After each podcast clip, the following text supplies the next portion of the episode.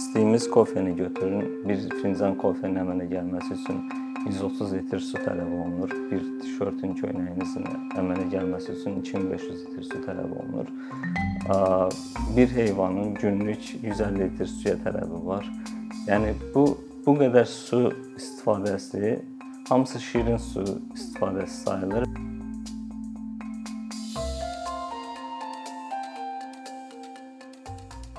Yer kürəsinin 71%-i sudan əhatə olunmasına baxmayaraq, bunun sadəcə olaraq 1%-i içməli sulardır. Digər 97%-i dəniz, okeanlar, 2%-i buzlaqlardır. Həmin 1% içməli suyun da çox böyük bir hissəsi, 60%, 70%-i artıq yer səthindən aşağıda yerləşən su sulardır. Onların çıxarılıb istifadə olunması çox ciddi xərclər tələb edir. Digər hissəsində bizim göllər, çaylar, və asan əldə edə bildiyimiz sular sulardır. Kənd təsərrüfatı ən böyük su resursları istifadə edən sahədir. Ümumi içməli suyun 70%-ni kənd təsərrüfatında, 22%-ni sənayelərdə, cəmi 8%-ni evlərdə, ofislərdə istifadə edirik. Kənd təsərrüfatında istifadə etdiyimiz 70% su resursunun qeyri-effektiv istifadəsi zamanı ciddi ölkədə su problemləri yaranır. Bunlar nələrdir? Məsələn, hər hansı bir bitkini əkmədən əvvəl onun tələb edilən su miqdarı araşdırılmır. Məsələn, biz götürürük hər hansı bir rayonumuzda pambıq əkməyə qərar veririk. Amma pambığın tələb etdiyi suyu araşdırmırıq. İçdiyimiz kofeni götürün. Bir fincan kofenin əmələ gəlməsi üçün 130 litr su tələb olunur. Bir tişörtün, köynəyimizin əmələ gəlməsi üçün 2500 litr su tələb olunur. Bir heyvanın bizim fermalarda müasir model cins heyvanların günlük 150 litr suya tələbi var. Yəni bu bu qədər su istifadəsi hamısı şirin su istifadəsi sayılır və bu da dünya dünyada olan suyun sadəcə 1%-i deməkdir. Onlardan istifadə olunan su deməkdir. Qlobal ekoloji problemləri nəzərə alsaz, e, illik yağıntı miqdarı dünyada çox ciddi şəkildə azalır. Bu o deməkdir ki, e, çaylar, göllərimiz e, qar, qardan, yağışdan qidalanan çay və göllərimizdə su varma suyunun miqdarı get-gedə azalır. O deməkdir ki, bir müddət sonra bizim istifadə etdiyimiz suya əlçatanlığımız azalacaq. Hal-hazırda rahat gün 7-24 saat kranı açıb əlimizi yuya biliriksə, bu artıq 5-10 il sonra o qədər rahat olmayacaq. Yəni e, bunun istifadəsi e, çox effektiv şəkildə olmalıdır. Kənd təsərrüfatında suyun böyük bir qismi kənd təsərrüfatında istifadə olunduğu üçün onun daha effektiv istifadəsi e, tələb olunur. Hal-hazırda Azərbaycanda kənd təsərrüfatında istifadə olunan suların 40-50% israf olunur, doğru istifadə olunmur. E, bu yanlış suvarma sistemlərindən görədir, yanlış meliorasiya sistemlərinə görədir. E, hələ də Azərbaycanda selləmə suvarmadan istifadə olunur. Halbuki bir çox dünyada artıq buna belə deyək, kənd təsərrüfatı, nəinki kənd təsərrüfatı, ümumi qlobal ətraf mühitin korlanması kimi nəzərdə tutulur. Torpağı ə, xarab edirsəm, belə su varma sistemi vaxtı su problemi yaşayan ölkələrdən demək olar ki, top 10-da olan ölkələrdən biri də İsraildir. Ərazisinin 60%-i səhra olmasına baxmayaraq Tel Avivdə 7-24 saat hər kəs suda ə, sudan istifadə edə bilər. Bunu necə əldə ediblər? Ərazinin ölkədə 5 dənə dəniz suyundan istifadə sistemləri var.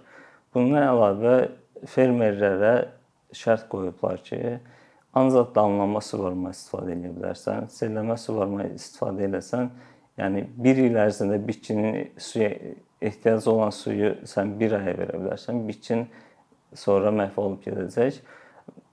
Hər bir fermerdən tək-tək əkdiyi bitkinin suya olan tələbatını hesablayıblar. İl ərzində həmin bitkiyə damlama suvarma ilə nə qədər su su verə biləcəyini hesablayıblar. Ona uyğun su veriblər. Yəni dünyada bir çox suvarma sistemi metodları var. Ən effektivisi ən az sudan az istifadə edəni dam, damcı suvarma sistemidir. Azərbaycan hökuməti bütün fermerlərə damcı suvarma sisteminin qurulması üçün subsidiya verir. 40%-ni dövlət qarşılayır zaten. Düzdür, bahalı sistemdir, amma ümumi müqayisə aparsaq ki, çox su verib, suyu israf edincə, orada itirilən maddi dəyərdənsə həmin sistemi verib suyu effektiv istifadə etmək daha faydalıdır. Hal-hazırda fermerlər o qədər istifadə etmir, çünki fermerlərin digər problemi var. Fermerlər 1 hektar, yarım hektar sahəsi var.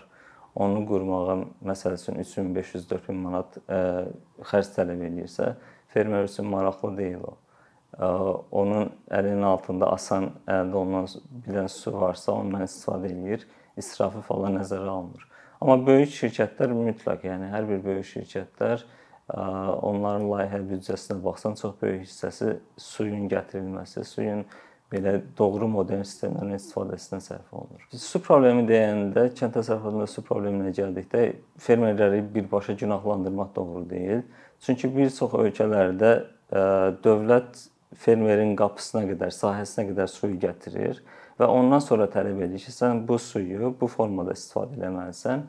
Bizdə hal-hazırda fermer sahəsinə suyu gətirməkdə çox ciddi problem yaşayır və bunu özü etməli olur. Dövlət bundan məsul olmalı ki, mən e, qida təhlükəsizliyinin bir rolu oynayan fermerə suyu gətirib sahəsinə qədər verməliyəm və ondan sonra tələb etməliyəm ki, sən selləmə suvarma ilə deyil, damcı suvarma ilə, pivot və ya sprinkler ilə istifadə edə bilərsən. Bizdə hal-hazırda problem təkcə fermerlərdə deyil, fermerlərə qədər gələn sudadır. Məsələn, meliorasiya sistemində çox ciddi problem var. A nöqtəsindən B nöqtəsinə su gələnə qədər 30-40% kanallarda itir. Çünki torpaq kanalları olur bir çoxusu. Buxarlanmada itir. Artıq drenajların qapalı sisteminə keçməyinə ehtiyac var. Bu tipli problemlərdən fermer məsul deyil. Biz onları həll etmədən fermerə gedib deyə bilmərik ki, tamam sabahdan ancaq damcı suvarmaya keçməsən, yoxsa sənə su verə bilmərik. Bu çox ciddi haqsızlıqdır. Çünki adamın qapısına suyu gətirib vermirik, amma daha modern sistem istəyirik ondan.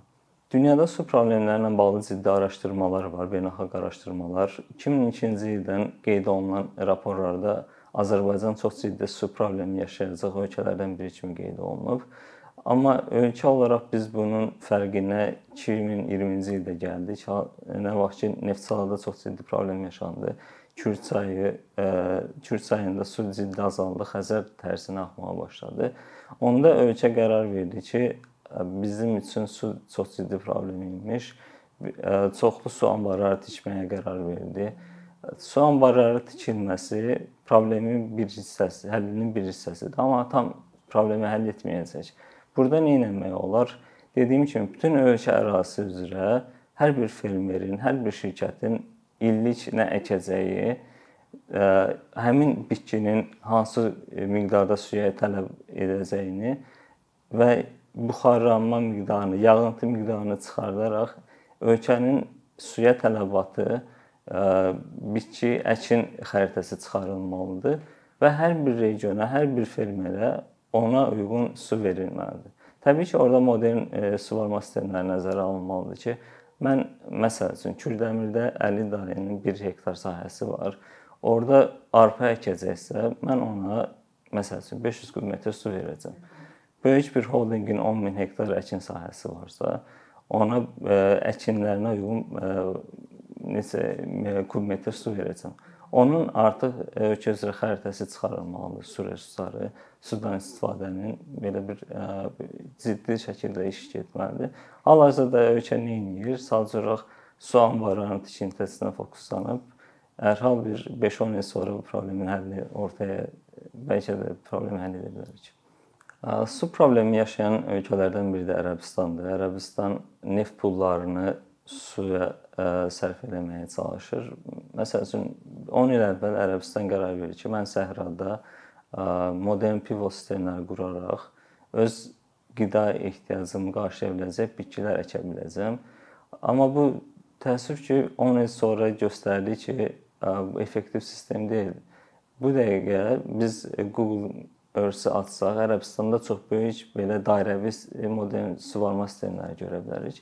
Artıq bir hissəsi istifadə olunmur. Çünki bir qiymətlənmə aparıldı ki, mən Ərəbistanda çölün düzündə suyu yerdən çıxardıb və ya dənizdən su arıtıb təmiz su əldə etməyin xərcinə Azərbaycan və digər ölkələrdən təyyarə ilə qida daşımam daha ucuz başa gəlir. Nəinki ora suyu çıxardıb istifadə etmək. Yəni hər hal bir çoxumuz bu sektorda işləyən bir çoxu eşidib ki, Ərəbistana təyyarə ilə yonca otu daşınır və ya heyvan daşınır. Adamlar deyir ki, biznes klassda biz təyyarə ilə uça bilmirik, amma heyvan daşınır və ya ot daşınır. İnanın, yəni Ərəbistanda suyu əldə etmək daha bahadır. Nəinki başqa bir ölkədən təyyarə ilə qida daşımaq, ot daşımaq və bu tip bu tipli şeylər. Kənd təsərrüfatında suyun yoxluğu çox ciddi iqtisadi problemlər problemlərə gətirəcək. O deməkdir ki, bizdə qidanın qiyməti dəyişəcək. Ona əlçatanlıq çətinləşəcək. Hal-hazırda biz məsələn 50 qəpiyə çörək ala bilirsə, çörək buğdadan əmələ gəlir. Buğdanın yetişdirilməsi üçün su olmayandan sonra həmin buğdanın qiyməti də qalxacaq və təkcə çörək deyil, yəni bütün qida məhsullarımız su resurslarından əmələ gəlir. Onların qiyməti dəyişəcək və ölkədə çox ciddi qiymət artımı yaşanacaq. Problemlərimizdən biri də odur ki, istər böyük holdinqlər olsun, istər fermerlər olsun, bir əkin e, kənd təsərrüfatı ilə bağlı planlama eləyəndə su resurslarını nəzərə almırlar. Məsəl üçün bir holdinq qərar verir ki, mən e, 10 min başlıq bir ferma quracağam. E, 20 milyon, 30 milyon yatırım eləyəcəm Amma əsas həmin fermada 10 min başın günlük 150 litr istifadə edə biləcəyi su resursu varmı? 10 min hektar sahənin əkəcəyi bitki üçün su resursu varmı? Onu araşdırılmır. Yəni dövlət qurumları, meliorasiya qurumlarından bir e, məsəl üçün ölkənin ən ciddi su problemi yaşandığı aylar e, yay aylarıdır. İyul, avqust aylarında mən o bitkiyə su verə biləcəmmi, heyvana su verə biləcəmmi? O detallara baxılmır. Yəni keçən il e, ölkənin çox böyük bir holdinqlərindən biri 5000 ərazidə, hektar ərazidə məhsulunu batırdı, qarğıdalı məhsulunu. Nəyə görə? Çünki su verə bilmədilər. Yəni bu heç kim nəinki o holdinqlər, digər böyük holdinqlər də detallı araşdıra bilmir ki, ölkənin su resursu nədir? Mən bitkimi ona görə əkim. Əkinçinin yeni videolar haqqında məlumatlı olmaq üçün kanalımıza abunə olmağı və xəbərdarlıq funksiyasını aktivləşdirməyi unutmayın. İmkandan istifadə edərək cari patronlarımıza işlərimizi davam etməyə yardım olduqları üçün dərin təşəkkürümüzü bildiririk. Əkinçinin Patreon icmasının üzvü olaraq siz bizim təşəbbüsə dəstək göstərməklə bərabər hazırladığımız materialları hər kəsdən öncə izləmə imkanı əldə edəcəksiniz.